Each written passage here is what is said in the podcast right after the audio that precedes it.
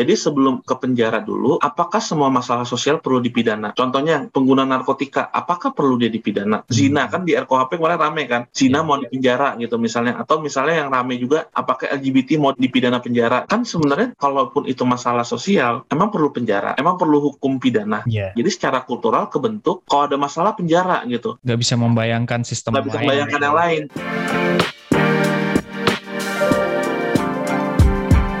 Hai sahabat TCID, kalian sedang mendengarkan podcast Suara Akademia, ngobrol seru isu terkini bareng akademisi. Pada episode ini, kami ngobrol dengan Dio Asar Wicaksana, Direktur Eksekutif di Indonesian Judicial Research Society atau IJRS, untuk membedah masalah overkapasitas penjara di Indonesia. Dari mindset penegak hukum yang terlalu fokus pada pemenjaraan, hukuman yang tidak tepat sasaran terhadap penggunaan narkotika, hingga perbandingan sistem penghukuman di berbagai negara termasuk Belanda dan Portugal.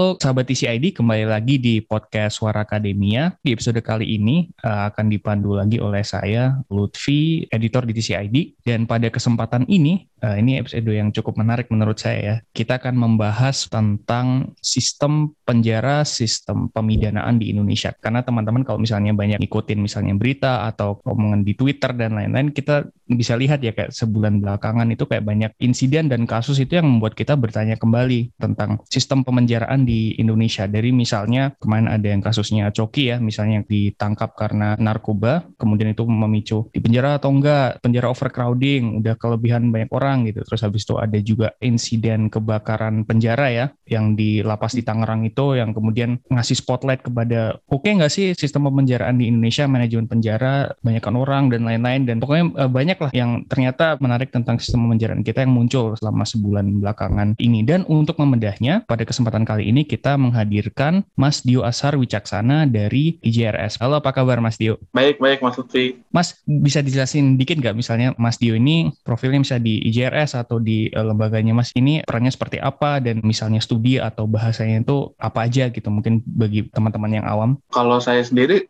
sekarang bekerja sebagai direktur eksekutif di Indonesia Judicial Research Society, manggilnya IJRS. Kita tuh sebenarnya lembaga penelitian non-profit sebagai CSO juga yang fokusnya memang di penelitian isu kebijakan reformasi peradilan, khususnya Oke. banyaknya pidana ya. Kalau saat ini sih lebih banyak terlibat memang kegiatannya kita lagi riset terkait keadilan restoratif, isu drugs policy reform, terus juga beberapa isu lain ya seperti isu kekerasan seksual dan lain-lain. Dan bahkan kita juga saat ini nih IJRS lagi bantu juga advokasi dan saya juga jadi pendamping buat tiga ibu lagi judicial review penggunaan narkotika golongan satu untuk medis. Oke, berarti ekspertisnya Mas dan juga IJRS cocok banget ya untuk membantu teman-teman pendengar untuk memahami lebih tentang isu ini ya Mas ya. Mudah-mudahan Oke, buat pendengar yang awam yang mungkin nggak banyak ngerti tentang sistem hukum, sistem peradilan, sistem pemenjaraan, pemidanaan dan lain-lain, bisa ngasih gambaran umum nggak sih Mas? Sebenarnya masalah utamanya itu apa sih dari misalnya penjara kita, sistem pemidanaan Ya. kita yang yang kemudian menimbulkan berbagai kasus yang ada kemarin ini gitu. Mis- misalnya kayak ada anggapan penjara kita udah terlalu padat nih, overcrowding dan lain-lain. Dan apa dampak dari masalah-masalah ini? memang kan belakangan ini banyak lagi rame juga ya isu overcrowding di lapas atau rumah tahanan juga. Sebenarnya ada bedanya nggak sih misalnya kayak istilah lapas, rutan, penjara Oh, gitu? Mungkin saya jelaskan lapas itu lembaga permasyarakatan, Oke. rutan itu rumah tahanan. Jadi ada bedanya tahanan sama ketika sudah di lembaga permasyarakatan. Kalau tahanan itu dia belum tentu bersalah. Jadi Hmm. seseorang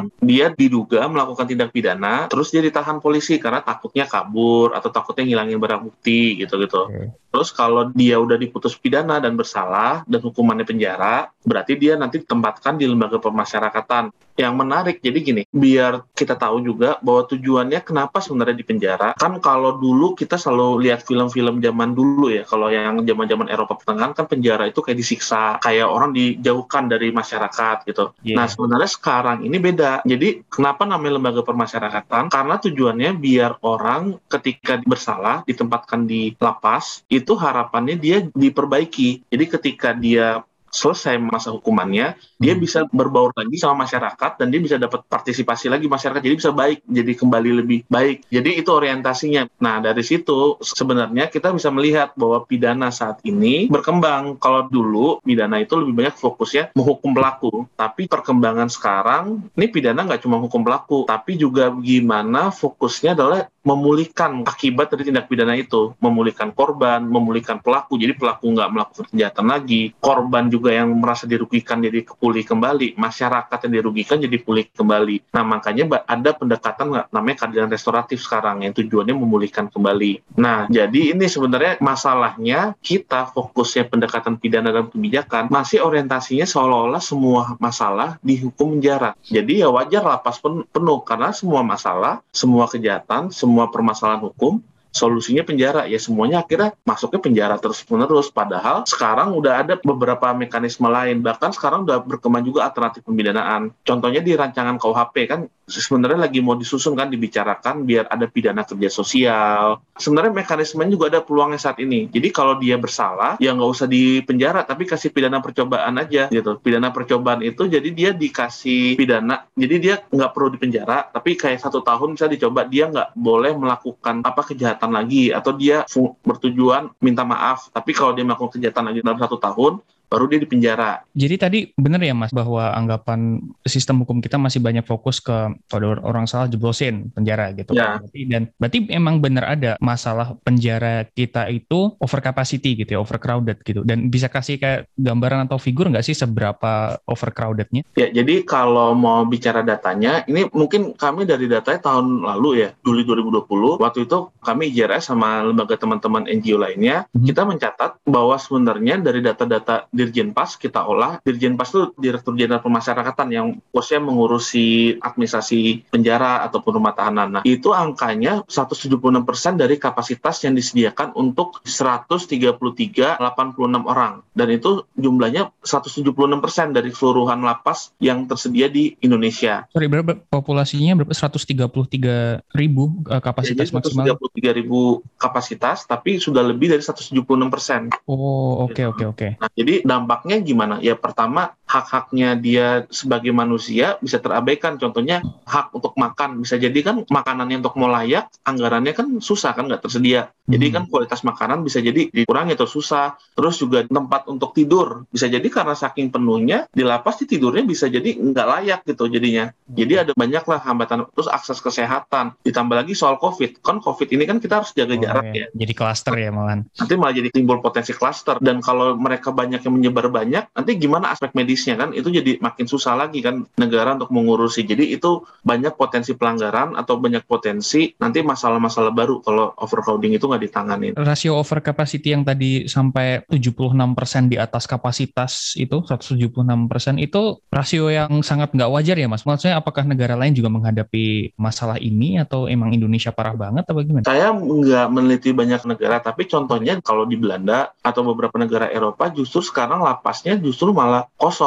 Oh malah dikit karena mereka sudah mulai mengefektifkan alternatif pidana yang lainnya juga gitu oke Jadi Oke, oke. kalau di Indonesia masih banyak banget gitu. Kalau ukurnya tadi kalau dari beberapa negara yang ada gitu. J- Jadi emang masalah itu bukan karena misalnya penjaranya kurang, tapi karena kita tuh kayak kurang kerjaan aja sebenarnya nggak perlu dihukum seperti itu atau dihukum itu juga nggak efektif, tapi kita tetap maksain hukum jadinya banyak kelebihan orang gitu berarti ya sebenarnya. Ya, contoh gampangnya gini. Saya mungkin ngasih ilustrasi. Misalnya gini, contohnya ada kasus nenek Minah mungkin tahu kan. Dia nyuri dua biji kakao kalau nggak salah. Kenapa dia harus dipenjara kan? Iya, gitu. iya, iya. Atau misalnya saya buruk-buruknya gini. Saya ngambil buah buah mangga di kebun sebelah. Secara hukum positif, saya bisa dipidana penjara. Hukumnya masih mengakomodir hal seperti itu. Dan saya ngeliat juga ya beberapa opini di media sosial ya. Kalau ada orang yang salah, semua langsung penjarakan. Padahal ada kasus-kasus yang sebenarnya nggak perlu penjara semua gitu. Atau penjaranya nggak perlu sampai lama-lama juga. Jadi harus proporsional. Jadi kuncinya di sini gimana orang yang yang bersalah dipidana itu proporsional juga. Contohnya gini, yang paling banyak di angka penjara ini adalah pengguna narkotika. Karena uh, iya, iya. Saya, saya sempat dengar bahwa sekitar setengah itu pengguna narkotika sendiri ya isinya penjara. Nah, gimana kalau pengguna narkotika dia kan mengalami masalah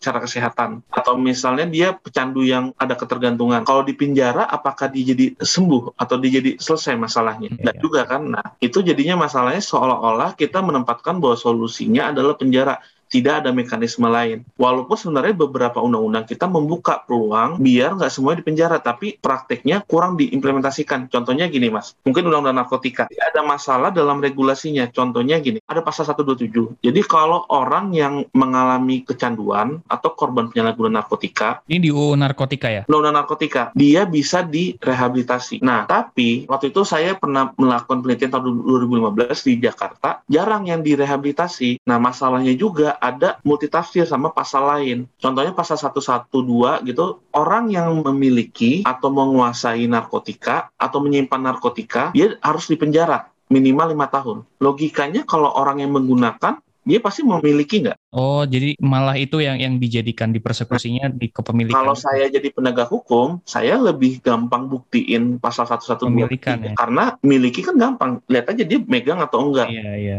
Akhirnya karena regulasinya kita multitafsir atau tidak jelas, akhirnya jadi banyak pengguna yang seharusnya nggak perlu dipenjara, jadi dipenjara. Sama juga treatmentnya. Kalau dia mengalami ketergantungan, misalnya kita solusinya masih proses pidana kan? Iya. Kenapa harus lewat pidana? Kenapa nggak intervensinya secara medis aja gitu. Karena ada juga pengedar-pengedar kecil yang dia transaksi jual beli narkotika bisa jadi karena dia ketergantungan, dia butuh duit gitu. Nah karena nggak ada intervensi medis dari awal, akhirnya mereka ketergantungan. Akhirnya mereka mencarinya dengan melakukan dua transaksi kecil. Jadi yang akhirnya disasar bukan penjahat besarnya gitu, tapi penjahat kecilnya gitu malah dikejar. Iya iya iya. Ya. Ada juga beberapa sumber yang bilang bahwa di dalam penjara itu juga marak sirkulasi penjualan narkoba juga. Jadi kalau masukin ke sana juga makin terpapar lagi gitu ya? Saya nggak tahu detailnya, tapi pernah ada jurnal juga sih yang ngebahas itu juga jadi malah potensi di Jakarta. Waktu itu dia penelitiannya di Jakarta, tapi cuma beberapa sampel sih. Dia bilang ada potensi nanti penyalahgunaan narkotika lagi di penjara, tapi saya nggak tahu detailnya karena saya nggak melihat faktanya gitu. Oh, oke okay, oke. Okay. Tapi yang paling penting adalah bagaimana untuk narkotika ini juga penting untuk kita tuh merubah perspektif karena justru negara-negara lain yang akhirnya berhasil mengefektifkan narkotika, dia nggak membawa ini karena penegakan hukum. Contohnya Portugal, dia intervensi intervensinya medis atau contoh hmm. Belanda paling gampang untuk penggunaan kanabis atau ganja dia itu diregulasi nah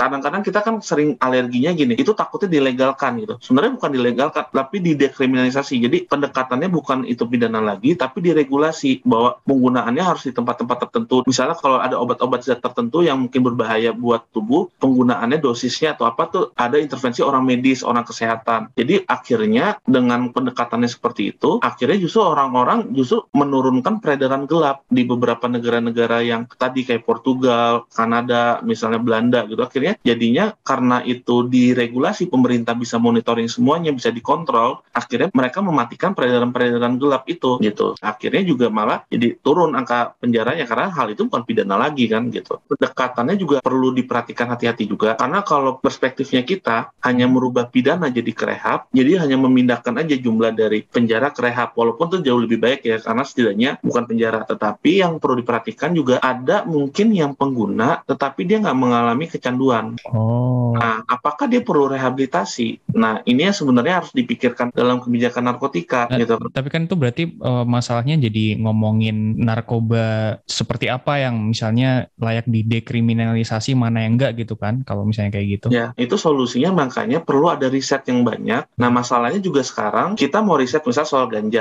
Ya. Meriset ganja aja itu masih pidana. Hmm. Kita misalnya meneliti ganja kan kalau kita ingin tahu kandungan ganja itu misalnya apakah berbahaya atau enggak. Ya. Kan kita harus jadi memiliki ganja itu kan untuk digunakan penelitian. Oh, itu masih iya. pidana. Iya. Kalau melitinya aja sih soal kebijakan saya pernah meliti juga soal ganja nggak perlu pidana karena saya bisa lihat dari pengalaman negara lain. Tapi kalau mau melihat bagaimana ganja di Indonesia misalnya apakah ini bermanfaat atau tidak buat kesehatan, itu kan penelitiannya nanti harus beli ganjanya juga kan harus punya ganjanya juga kan. Nah, okay. gitu. Jadi itu masih pidana dan itu yang akhirnya jadi solusinya tadi harus merubah perspektifnya dan harus pendekatannya berbasiskan riset gitu. Mana yang perlu dekriminalisasi, intervensi kebijakan apa, nah itu perlu riset biar akhirnya kualitasnya masalah narkotika itu juga jauh lebih baik. Kalau sekarang jadi numpuk aja ke penjara, tapi masalah narkotika terus bertambah terus kan kasusnya tiap tahun gitu. Oke oke mas, ini yang akhirnya menjadikan banyak lapas kita itu overcrowded gitu ya. Dan hmm. tadi mas juga sempat menyentuh bahwa salah satu pendekatan alternatif yang sebenarnya bisa mengatasi ini adalah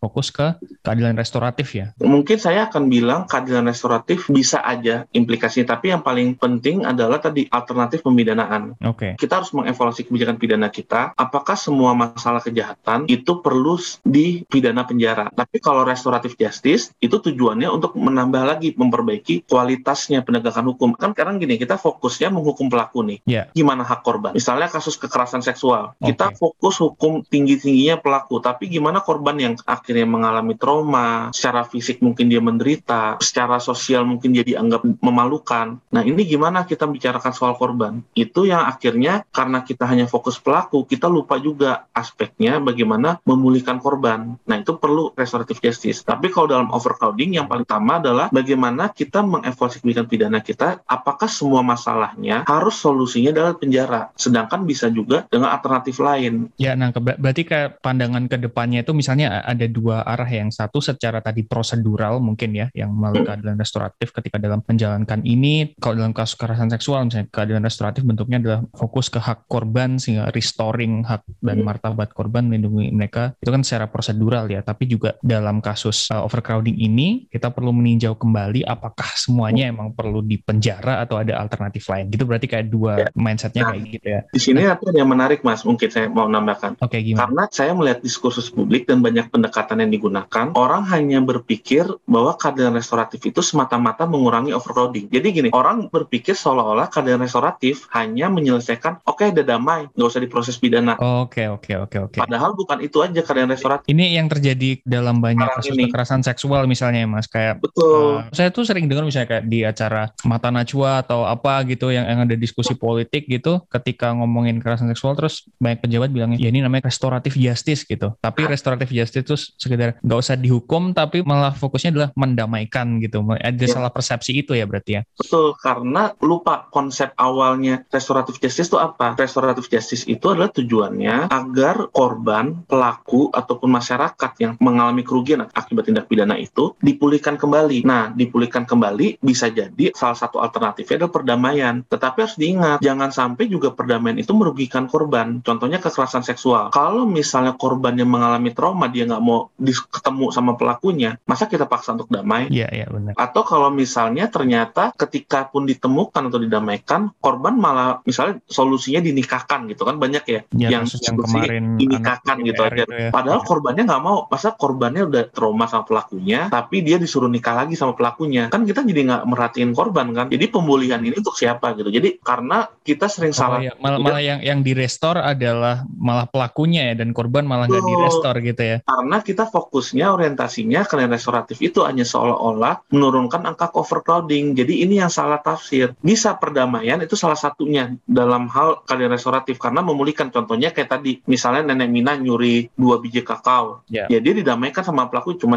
nyuri ini lah damai aja ganti rugi gitu. Ya udah damai selesai nggak usah pidana. Nah itu baru kalian restoratif gitu. Tetapi kalau misalnya emang bukan perdamaian caranya bagaimana? Jadi kalian restoratif itu cuma prinsip atau asas. Jadi mekanismenya akan banyak. Salah satunya restitusi. Restitusi itu adalah bagaimana ada upaya mengganti kerugian terhadap korban gitu. Kalau dia ada korban misal mengalami kerugian finansial ataupun fisik ataupun lain-lain atau sosial, nah itu yang harus dipulihkan kembali. Itu baru keadilan restoratif. Jadi upaya memulihkannya itu. Oke oke mas. Tadi yang terkait dua arah pembenahannya tadi secara memperluas opsi eh, koreksi atau pemrosesan hukum, kemudian ada yang secara prosedur yang yang baik restoratif justice seperti apa. Tapi saya mau nanya lagi nih Mas, eh, memperluas opsi-opsi penghukuman gitu. Jadi nggak harus dipidana doang. Tapi kalau kayak gitu, kriterianya seperti apa sih Mas dalam rangka mencegah overcrowding gitu? Jenis crime seperti apa yang sebaiknya dihukum, terus membedakan sebaiknya mana yang misalnya direhab atau nggak dipidanakan gitu. Itu kriterianya apa kalau secara Nah, sebelum ke sana mungkin jadi ada salah satu senior saya ya namanya Anugrah Rizky dia melakukan tesis di Leiden okay. dia dosen juga di Jentera dia meneliti bagaimana arah legislasi kita pasca reformasi ternyata angka pemidanaan makin tinggi. Jadi dari sini bisa kita lihat bahwa arah legislasi kita masih memikirkan bahwa pidana itu satu-satu solusi. Jadi sebelum ke penjara dulu, apakah semua masalah sosial perlu dipidana? Oh, itu oke. dulu jadinya. Contohnya pengguna narkotika, apakah perlu dia dipidana? Jadi kita perlu melihat lagi suatu permasalahan apa yang intervensinya harus pidana. Kita seolah-olah jadi pidana tuh jadi jangka pendek gitu. Jadi seolah-olah selesai masalah. Padahal belum tentu. Misalnya contohnya tadi pengguna narkotika atau misalnya orang berantem gitu di medsos gitu.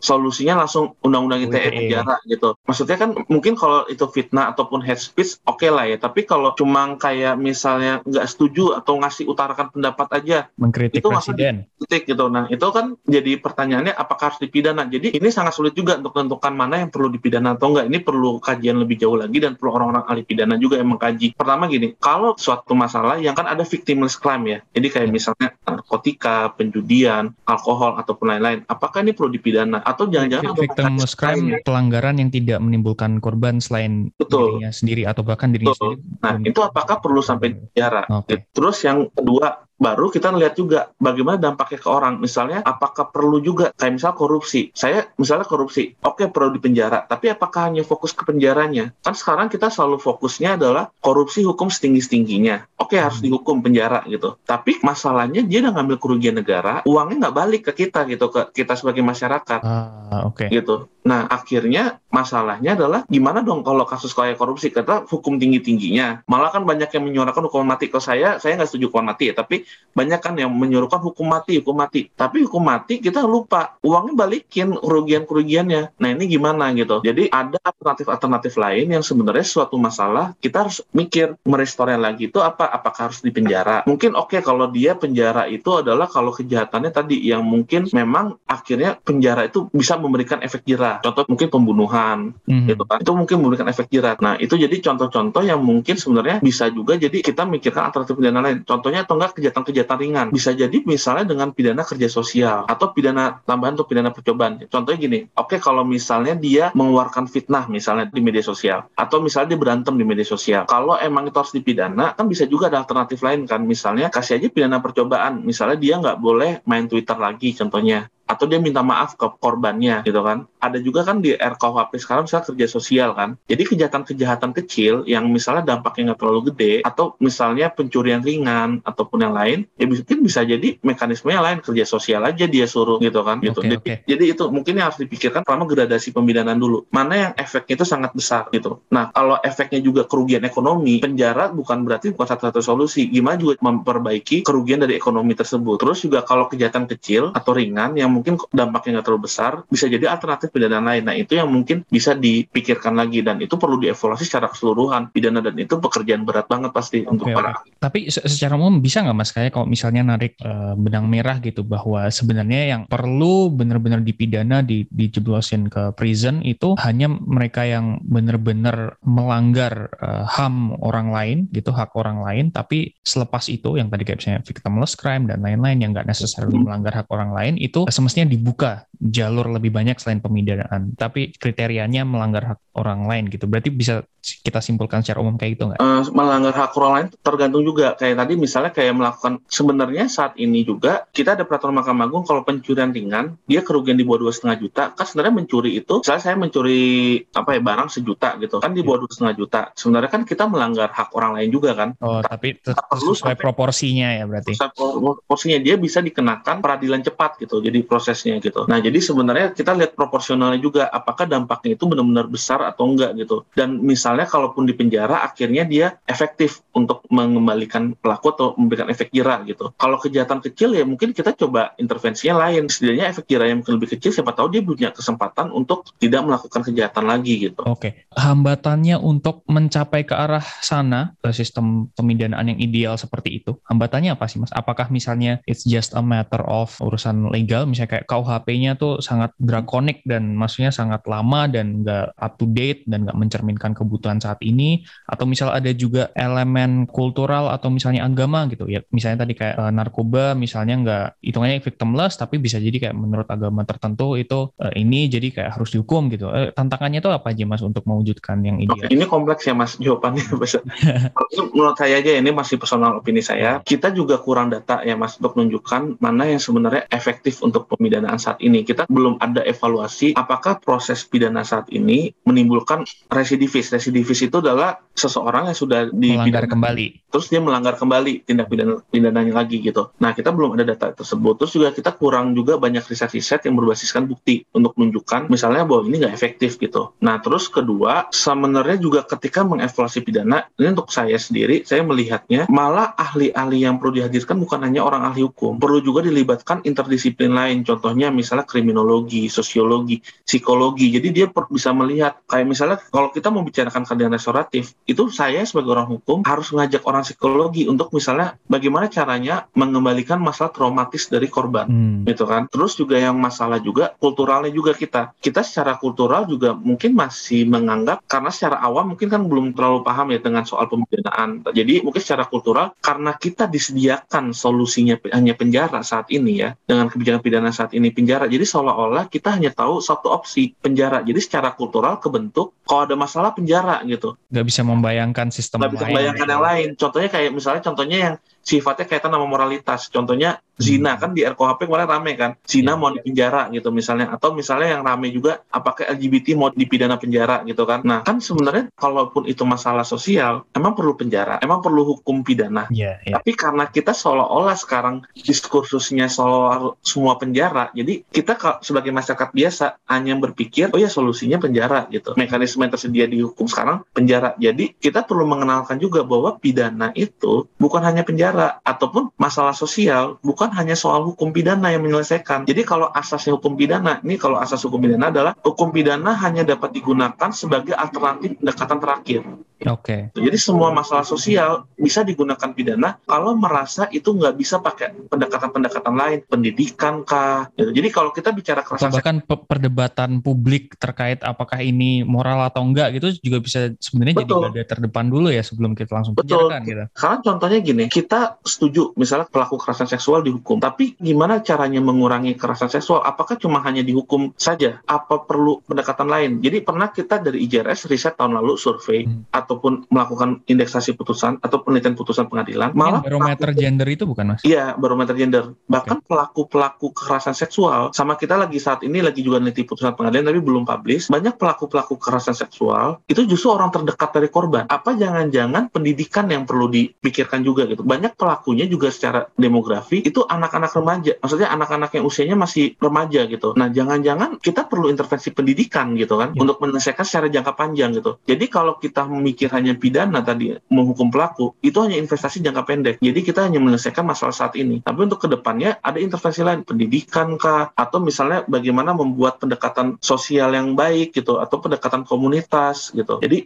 ada beberapa hal yang perlu dipikirkan bahwa membuat kebijakan itu sangat susah. Jadi memang perlu ya, ya. alternatif-alternatif pemikiran perspektif pendekatan lain gitu selain hukum pidana. Jadi selain menimbulkan tadi overcrowding, mindset semuanya penjarakan aja itu juga bisa bikin uh, masyarakat atau suatu bangsa itu kayak complacent gitu ya, kayak abai dan nggak menyasar akar permasalahan yang ada sebenarnya gitu. Ya, kita juga sebenarnya juga jarang mengenalkan bahwa saat ini di regulasi saat ini bahwa ada alternatif alternatif pendekatan lain. Tadi misalnya kayak dia pecandu bisa direhabilitasi. Terus yang kedua, kita misalnya ada juga pidana percobaan tadi. Kalau misalnya sekarang misalnya ngelihatnya orang yang berantem di medsos, kan ada pidana percobaan. Kenapa nggak dikasih aja kalau emang dia terbukti pidana karena masuk unsurnya kan unsurnya gampang banget dibuktiinnya dia melakukan pencemaran nama baik gitu. Nah, kasih aja pidana percobaan misalnya dia minta maaf ke korban. Nggak perlu kan sampai di penjara gitu kan. Hmm. Gitu. Jadi ada alternatif-alternatif lain yang sebenarnya bisa digunakan tapi kita jarang membahas, kita jarang menggunakan, dan mungkin banyak juga orang hukum yang mungkin belum tahu juga soal ada mekanisme itu karena kita perspektifnya selalu selama ini diskursusnya penjara gitu. Dan, dan bahkan misalnya kayak pencemaran nama baik gitu misalnya, apa sih istilahnya uh, libel atau slander ya kalau dalam bahasa internasionalnya gitu kan. Itu kalau misalnya saya baca-baca di luar negeri misalnya kayak pencemaran nama baik tuh sebenarnya juga sebenarnya kriterianya tuh ada kriteria yang ketat juga kan Mas misalnya Betul. bisa dibuktikan Betul. di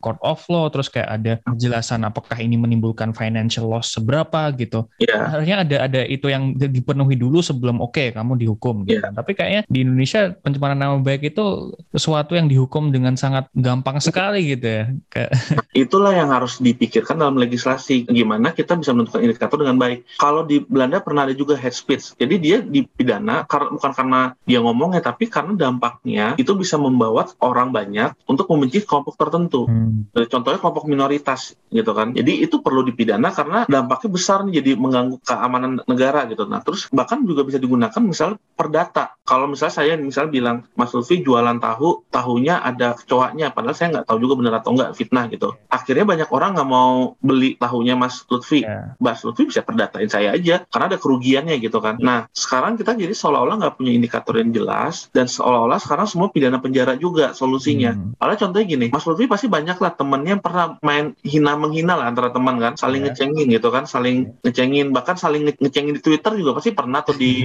Instagram. Tapi perlu di penjara nggak Mas Lutfi? Nggak perlu kan? Iya. Nggak perlu baper juga. Kalaupun baper, paling baikkan aja ngobrol kan. Kan kalau kita mau bicara Indonesia, malah kan sebenarnya katanya bu- budaya kita budaya toleransi kan katanya. Ya udah kita maafan aja nggak perlu sampai bawa penjara atau penegak hukum untuk nyelesain masalah kita gitu kan. budaya perdebatan publiknya masih sangat lemah ya, gampang baperan masyarakat Indonesia. Nah, itu yang jadi menurut saya masalahnya tadi karena kita selalu seolah-olah hanya menempatkan penjara solusi, akhirnya kita nggak memikirkan ada alternatif lain. Terus yang kedua, kita dalam legislasi nggak menentukan indikator yang jelas, akhirnya bisa gampang dimainin jadi pasal karet. Terus yang ketiga, tadi secara kulturalnya akhirnya terbentuk. Kulturalnya akhirnya kita kalau ada masalah ya udah penjara solusinya gitu. Akhirnya itu yang jadi bahaya gitu. Eh, tadi Mas eh, juga nyebut bahwa salah satu hambatannya kan kita selama ini secara historis, secara budaya kayak nggak bisa membayangin alternatif lain selain dipenjarakan. Kayak mo- misalkan mode- modelnya hanya itu di Indonesia. Jadi eh, bisa kasih gambaran nggak Mas kepada masyarakat bahwa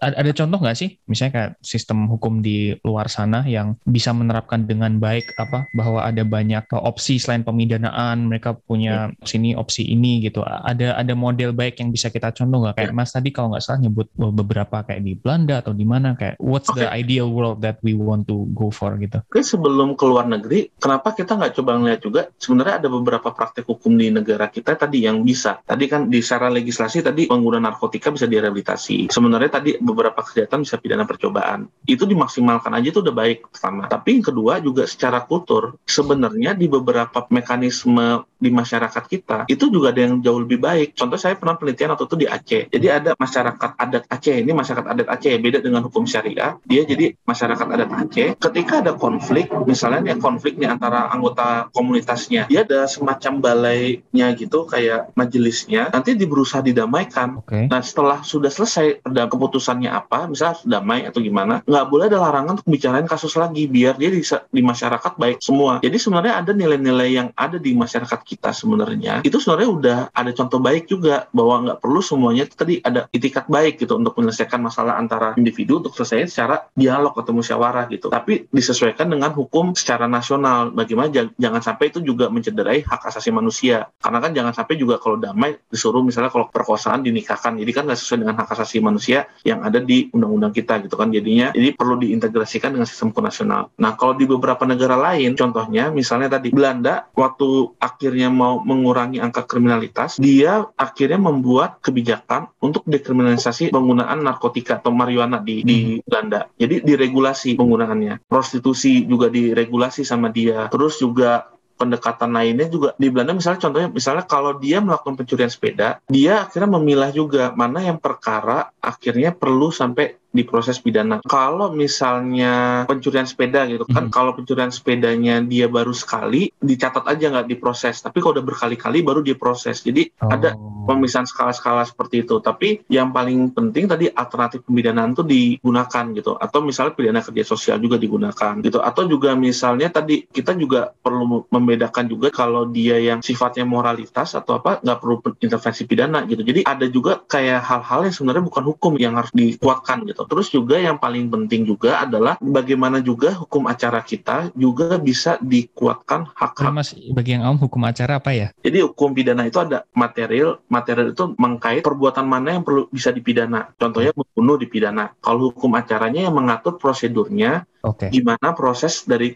penyidikan polisi sampai diputus oleh hakim. Nah itu hukum acaranya. Nah yang paling masalah juga adalah bagaimana ketika seseorang jadikan tersangka, tetapi masalahnya dia ini misalnya alat buktinya nggak cukup. Saya pernah melakukan penelitian kasus dulu, mungkin kasusnya terkenal, ada yang pengamen cipulir yang di mata Natsua kalau nggak salah. Itu ada kasus pengamen cipulir, dia dituduh jadi pelaku pembunuhan, padahal dia disiksa sama penyidik di proses pemeriksaan penyidik. Untuk ngaku gitu ya? Untuk ngaku. Kalau di luar, kalau orang ditetapin tersangka, dia bisa ngajuin ke pretrialnya atau pra peradilannya. Hmm. gitu. Jadi ngajuin bahwa ini alat buktinya dia nggak sah sah, dia melawan hukum dengan cara menyiksa. Nah, hakim akhirnya memutuskan bahwa ini alat buktinya nggak sah, dibatalkan tersangkanya. Oh. Jadi karena segampang itu orang dipidana, akhirnya menggunakan pidana jadi efektif untuk menyelesaikan suatu masalah. Padahal belum tentu tadi benar nggak pelakunya, belum tentu juga akhirnya menyelesaikan masalah atau enggak gitu. Itu jadinya yang perlu dipikirkan tadi juga selain pidananya, tapi juga bagaimana mengatur hukum acaranya agar asas fair trial itu tuh juga terpenuhi gitu. Jadi akhirnya orang nggak semudah itu juga gampang tersangka gitu. Tadi udah dijelasin ya uh, gapnya seperti apa, uh, contoh yang baik di dalam hmm. negeri maupun luar negeri seperti apa. Lalu mungkin ini uh, pertanyaan terakhir saya sih mungkin, apa sih kira-kira kayak first step atau mungkin langkah kecil ataupun langkah awal yang wajib harus dilakukan Indonesia if we want to move uh, towards that direction? Hmm. Oke, okay, kalau saya mungkin melihatnya pertama ada jangka pendek sama jangka panjang. Oke. Okay. Jangka pendeknya tadi memaksimalkan semua regulasi yang ada terkait alternatif pemidanaan hmm. agar jadi diskursusnya saat ini berkembang bahwa ternyata kita kenal ada mekanisme lain selain penjara buat menyelesaikan masalah hukum. Itu melalui apa mas? Uh, melalui tadi, uh, kayak undang-undangnya atau di undang-undangnya itu sudah tersedia. Misalnya tadi pidana percobaan yang tadi saya okay. jelaskan. Terus juga misalnya rehabilitasi. Berarti untuk, di prakteknya ya di institusinya nah, gitu. Nah terus Terus yang kedua, kalau jangka panjangnya berarti harus pertama dirubah legislasi kita, baik hukum pidananya, RKUHP kita harus direvisi agar tadi memasukkan beberapa alternatif pidana lainnya, contohnya ke pidana kerja sosial, gitu kan, atau pidana-pidana alternatif lainnya. Terus juga yang kedua, revisi juga undang-undang yang lainnya seperti undang-undang narkotika, undang-undang yang mungkin terkait